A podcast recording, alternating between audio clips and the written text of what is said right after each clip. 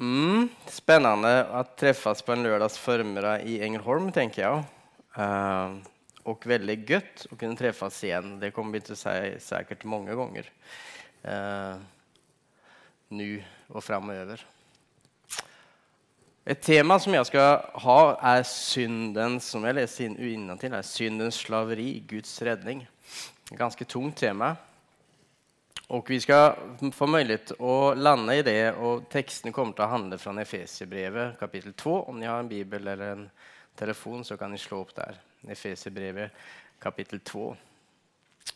Eh, men innan vi kommer så langt, så får man sette det kanskje i en sammenheng også.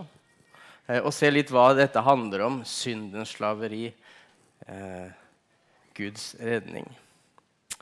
Og det er jo så godt at vi har en Gud og en levende Gud och man merker på så sett Jeg tenkte, Gabriel, säga, jo, når du hadde innledning Den verset du leste, det skal jeg begynne med. Og vi har ikke prata ihop.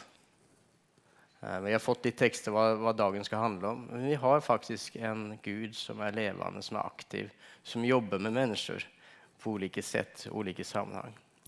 Jeg tycker man kan se det så ofte eh, i form av når jeg er predikant eller som møteleder eller man møter andre människor.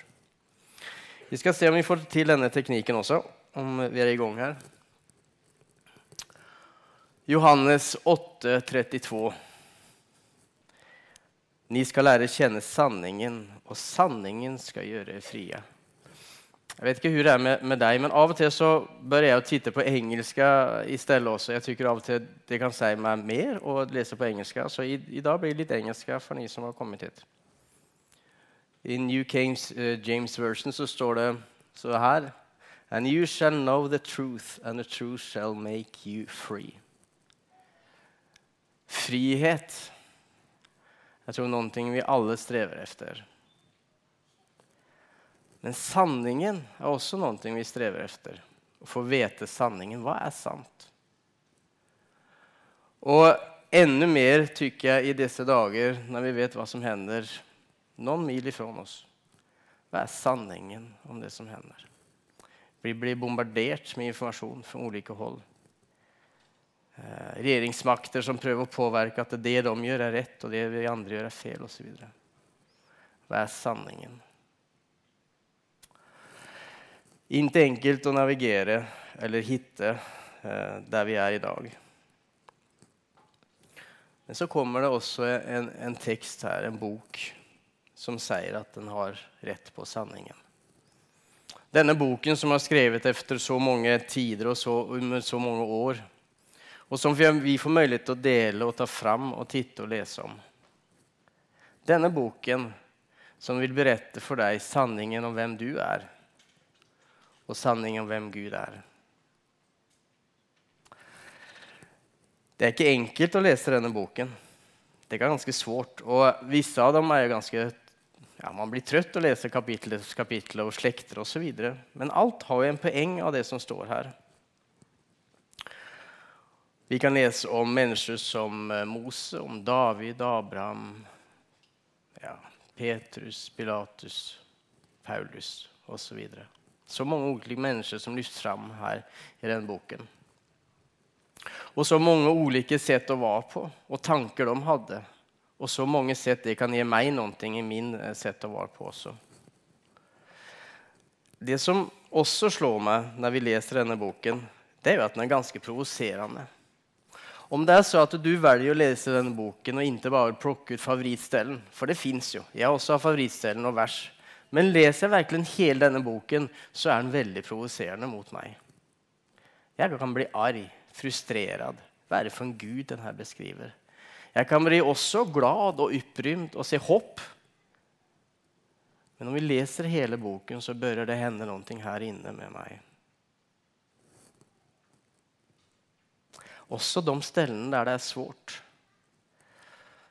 Jeg har haft perioder i livet hvor jeg virkelig liksom har tänkt att det her er ikke klokt.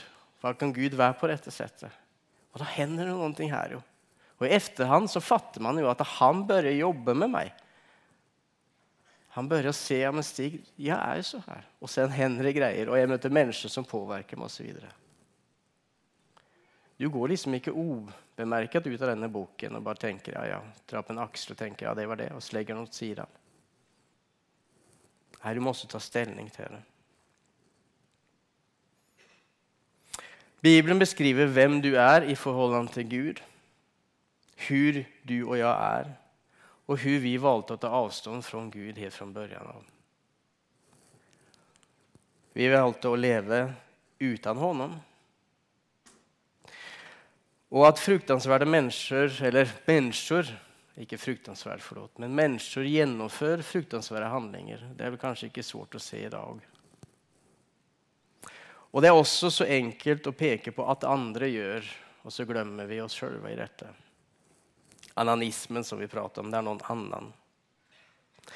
Men Bibelen bør peke mye mer på meg. Og hvem er jeg da i dette? Hvordan forholder jeg meg til det?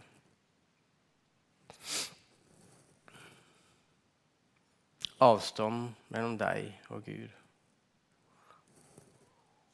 Og sen står det helt i begynnelsen Gud skapade mennesken til sin avbild. Til Guds avbild skapade han henne. Det er Gud som skapade. Inte jeg, inte du. Men Gud skapade. Det er han som handler. And you shall know the truth, and truth shall, shall make you free. Hva gjør jeg når jeg blir påkommen med å gjøre noe feil? Ja, det er veldig mange ulike banale eksempler på det. Og det er veldig mange svåre eksempler på det. Et enkelt, banalt eksempel er når jeg triller på en sykkel. Jeg vet ikke hvor mange ganger jeg bare sprettet opp igjen og bare borstet av og syklet videre. Fast jeg vet det gjør kjempevondt. For jeg vil ikke vise at jeg er svak eller har vondt. Jeg tror du kjenner igjen deg i den bilden.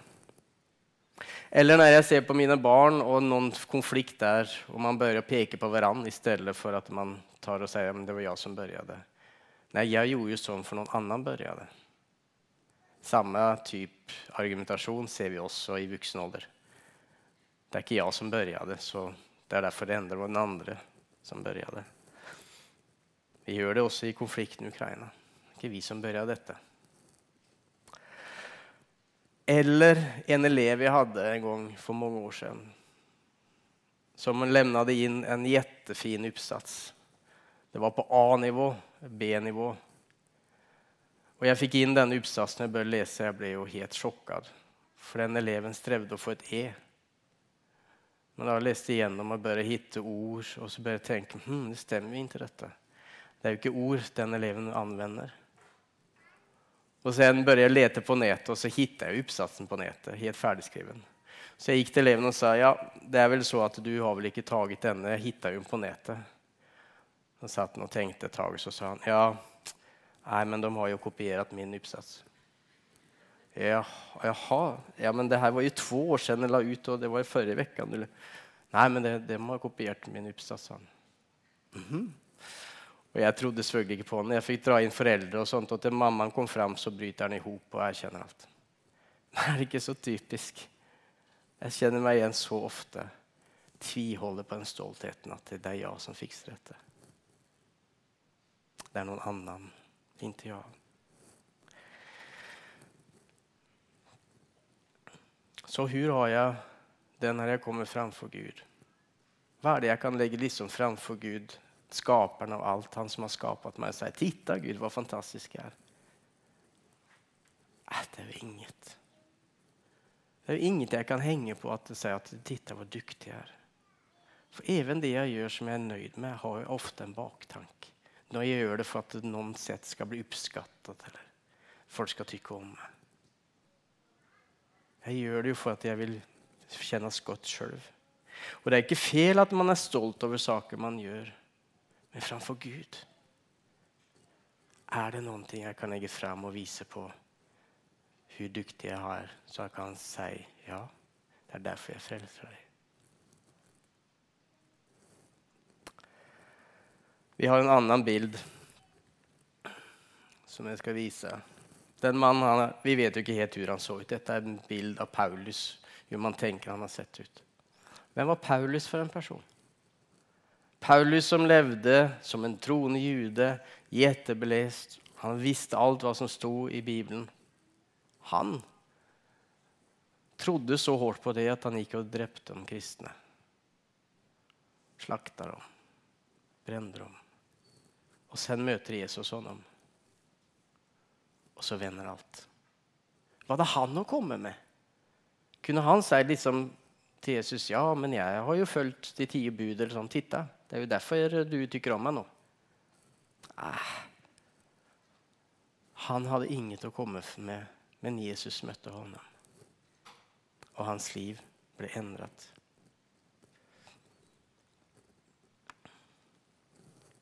And, the truth shall, and you shall know the truth, and the truth shall make you free. Johannes 8. Medan Paulus satt der i, et fengelse, eller han var kanskje Han satt i Rom, han hadde husarrest. Så skrev han et brev til Efesier, eller Efesos, Efeserbrevet. Og han skrev til dem eh, rundt år 60, og det kan lese om i Apostelgjerningen 19 og Apostelgjerningen 20. Det brevet handler dels om hvem Gud er, og hva han har gjort for deg, men også mer praktiske hva du som kristen kan gjøre og hva det får påvirkning for deg og for ditt liv. Så skriver han så her i Efeserbrevet 2. Ni som var døde gjennom era overtredelser og synder. Ni som var døde. Altså, om man er død, så er man jo helt borte. Da er det over litt. Grann. En død person eller en, en død kropp kan ikke kjenne av alt som hender rundt. Kan ikke ta inn inntrykk Vinden som blåser kjenner du ikke lenger på din hud. Noen som kramer deg, kjenner du ikke. Denne død som Paulus skriver om, er en åndelig død. Og det er en veldig sterkt uttrykk for at om du er åndelig død, så er du heller ikke i menneskap med Gud og kan erkjenne Honom. Ni som var døde gjennom ere overtredelser og synder. Det fins inget annet tydeligere ord kan jeg tykke, enn det helt bortkopplat fra Guds gemenskap. Inte i hans och kan lära känna honom mer. Överträdelser, någonting du har gjort, du har mistat synd, du är inte längre med. Men sen så fortsätter han. Tidligere levde ni i dem på denne verdens sett og och herskeren over luftens välde den ande som nu är verksam med olydnadens barn. Bland dem var vi alle en gång, när vi följde våre kötsliga begär och gjorde vad kött och tankarna ville. Av naturen var vi vredens barn, precis som de andre. Hvor det påvirker meg når jeg lever under, eller utenfor Guds gemenskap, kan vi høre noe mer litt senere om i dag. Men det er tydelig at det er et liv som ikke er forenlig med det Gud vil med våre liv utenfor hans gemenskap, utenfor hans påvirkning.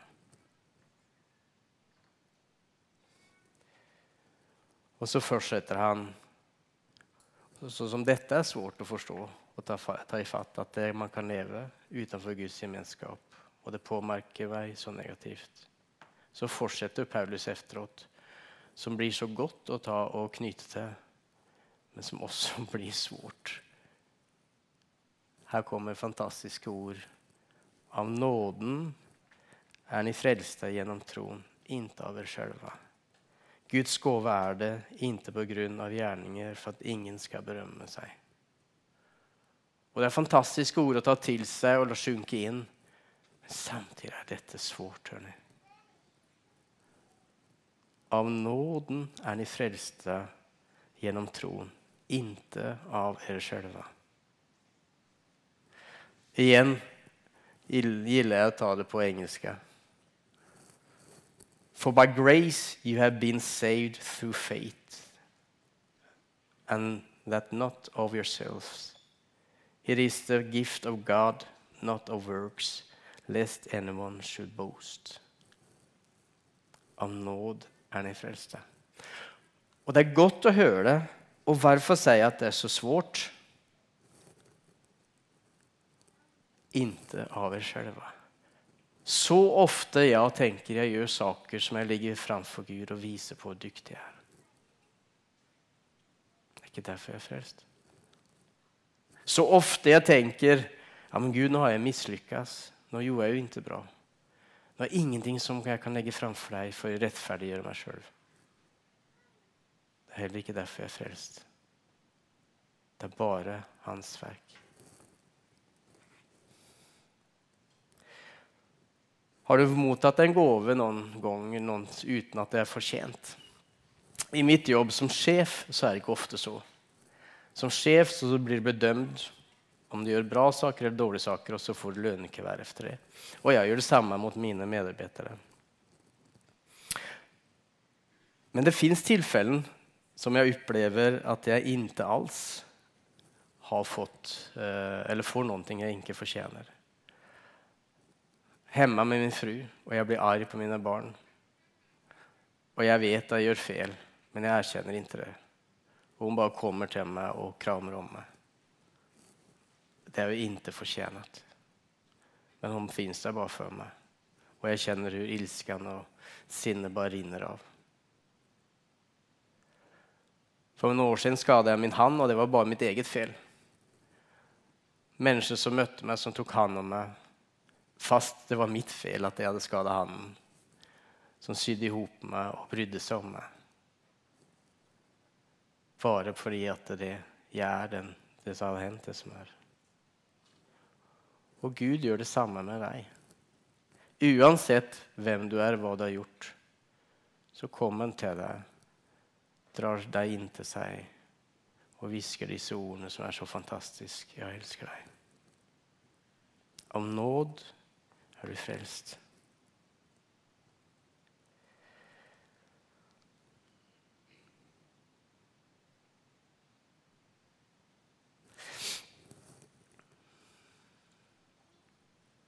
Her er en bild av hvordan man tenkte Moses så ut. Og Det også er så fantastisk med vår bibel, at denne innstengte Gud den hittar vi helt fra første verset her til det siste. At han vil møte deg. Ikke for hva du har gjort eller prestert, men for hva han gjør, og hvem han er. Første Mosebok 15. Mose som er jet, nei, Abraham som er jättefortvilad. Han har ikke noen barn. Hele hans slekt går til spille. Og vi vet den gangen, skulle du virkelig lykkes og få noen framgang og sikre din framtid, så er det slekten som gjelder. Og han får ingen barn. Han tviler og går til Gud og sier du, hvorfor skal jeg bli mange? Du ser jo min fru er gammel videre. Det går ikke. Og sen går Gud fram og gjør en forbund med honom. Og hvordan gjør, Gud dette? På den tiden så var det ikke sånn at man skrev avtaler med papper og underskrift. Nei, det var litt mesig, tykte de. Man hadde kanskje ikke papper heller, men mesig var det. Nei, i stedet tok de et djur, slakta det, la det i to deler. En delen der, en andre delen der. Og så gjorde man en gang mellom djuren som man slaktet. Og så gikk man mellom djuren som et symbol at om jeg ikke holder avtale, så kan du gjøre det samme med meg. Abraham hadde jo lært dette. Han slaktet djuren, for han skulle ha et forbund med Gud. La dem på tråd på mellom seg. Og sen skulle det til å gå. Og da hender jo noen ting. Gud åpenbarer seg i en eld, som han ofte gjør. Går igjennom mellom hjulene så de brenner opp. Og Gud slutter forbund med Abraham på det settet. Og viser at om jeg ikke holder mitt løfte, så kan du gjøre med meg som du gjorde med julen. Fra den dag har Gud holdt sitt løfte. Varje år, hver minutt holder han sitt løfte til deg og meg. Men vi sier nei. Sen går det en del tusen år. Så gjør Gud det samme igjen. Men så er det ikke ja som blir ofra der på korset, som Abraham ser på. Men så er det Guds sønn. Så er det han som blir drept, enn ikke han har gjort noe. Men jeg har gjort alt og fortjener det. Guds nåd treffer oss fordi vi ikke har gjort noe. For vi har gjort alt som er feil. Men han tar på seg all skuld. Av nåd er ni frelste.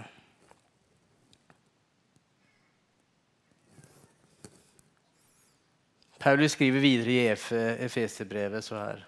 Av nåden er ni frelste gjennom troen, ikke av er själva.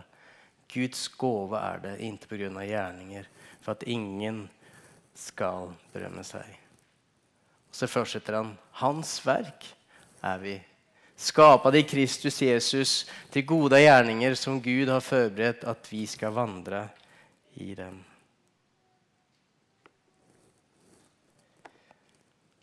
Jeg sa det at jeg av og til gillar å, å ta bibelvers på engelske vissa gånger. Først Johannes så beskriver det hvordan ordet blir, blir kjøtt.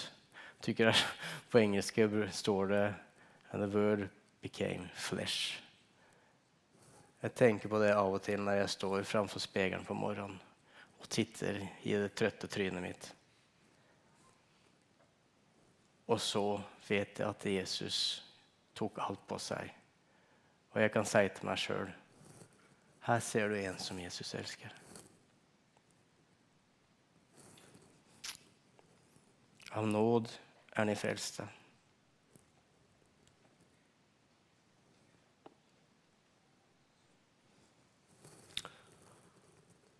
And you shall know the truth, and the truth shall make you free. Dette er det som leder til frihet, som vi skal høre om under hele dagen i dag. Dette er det som leder at jeg, fast jeg er mislykket, kan kjenne meg elsket og vite at jeg har en Gud som aksepterer meg. Og dette er det som leder til at uh, Nei, jeg tykker det er svårt. Når jeg blir plassert i et fakk, om jeg skal være grønn, gul, blå eller rød, er det vel, så vet jeg at han elsker meg ändå. Og han jobber med meg og med deg hver dag.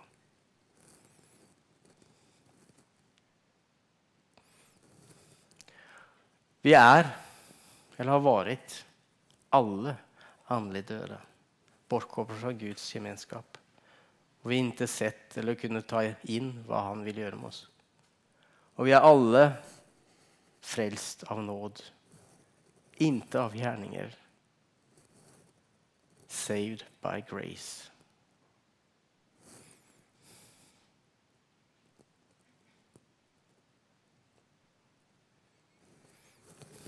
And you shall know the truth, and the truth shall make you free. Som en liten avslutning når vi prater om sanningen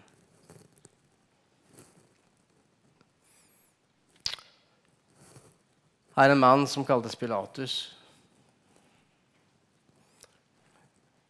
Videre i Johannes evangeliet står det så her. Pilatus sa, 'Du er altså kung.' Og Jesus svarte, 'Du selv sier at jeg er kung. Derfor er jeg født.' 'Og derfor har jeg kommet til verden for å vitne om sanningen.' 'Var og en som er av sanningen, lyster til min røst.' Pilatus sa til honom, 'Hva er sanningen?' så står det at han vendte om og vandret bort. Pilatus som sto der, ansikt til ansikt med Jesus, med Skaperen, med det Gud, og frågar efter hva er sanningen. Og han så det ikke. Han vände bort og gikk i vei. Og frågan er, og kommer til deg og kommer til meg i dag ser vi sanningen? Møter vi Jesus? Møter vi honom som sier, 'Jeg er veien, sanningen og livet'. Ingen kommer til Faderen utom gjennom meg. Møter vi honom i dag? Du har en sjanse i dag. Vi er i mars en lørdag. Det fins mennesker her som under dagen du kan søke opp for å prate eller få bønn. Han vil møte deg. I dag og under hele dagen, i morgen, under alle dager. For han elsker deg. Saved by grace. For du er frelst av nåd.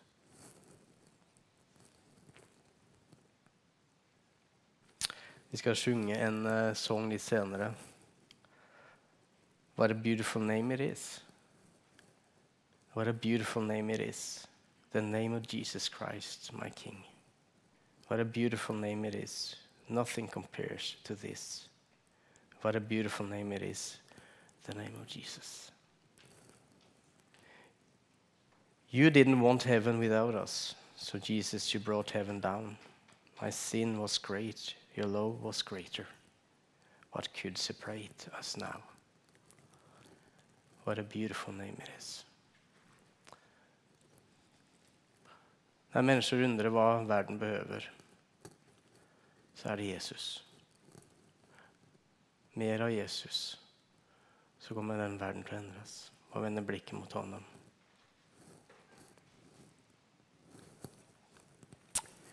Jeg er vegen, sanning og livet. Ingen kommer til Faderen utom gjennom meg, sier Jesus i Johannes 14. And you shall know the truth, and the truth shall make you free. Det har vært et stort halleluja. Og det har vært jubelrop, og det har vært lovsang. Og en tilbedian, og en omvendelse, og en takksegelse. Og vi skal få mulighet så nå efteråt å synge sammen og lovprise Gud. For han gjør dette hver dag, hver sekund for deg, og møter deg der du er, i den situasjonen du er. Vi ber kort. Kjære Jesus, vi takker deg for at det du gjorde for så mange år siden, gjelder i dag. Og vi takker deg, Jesus, at det even når jeg kjenner frustrasjon og er ensom, jeg kjenner jeg ikke har noe å komme med, og jeg kjenner meg mislykket, så er du der. Også når jeg kjenner at jeg gjør bra saker, Herre, så er du der og peker på at jeg vil gi deg min lovsang. Herre, hjelp du oss og møt oss. Kall på oss, Jesus, til å komme nærmere deg. Ransak oss, Herre. Arbeid med oss. Jesus, kom.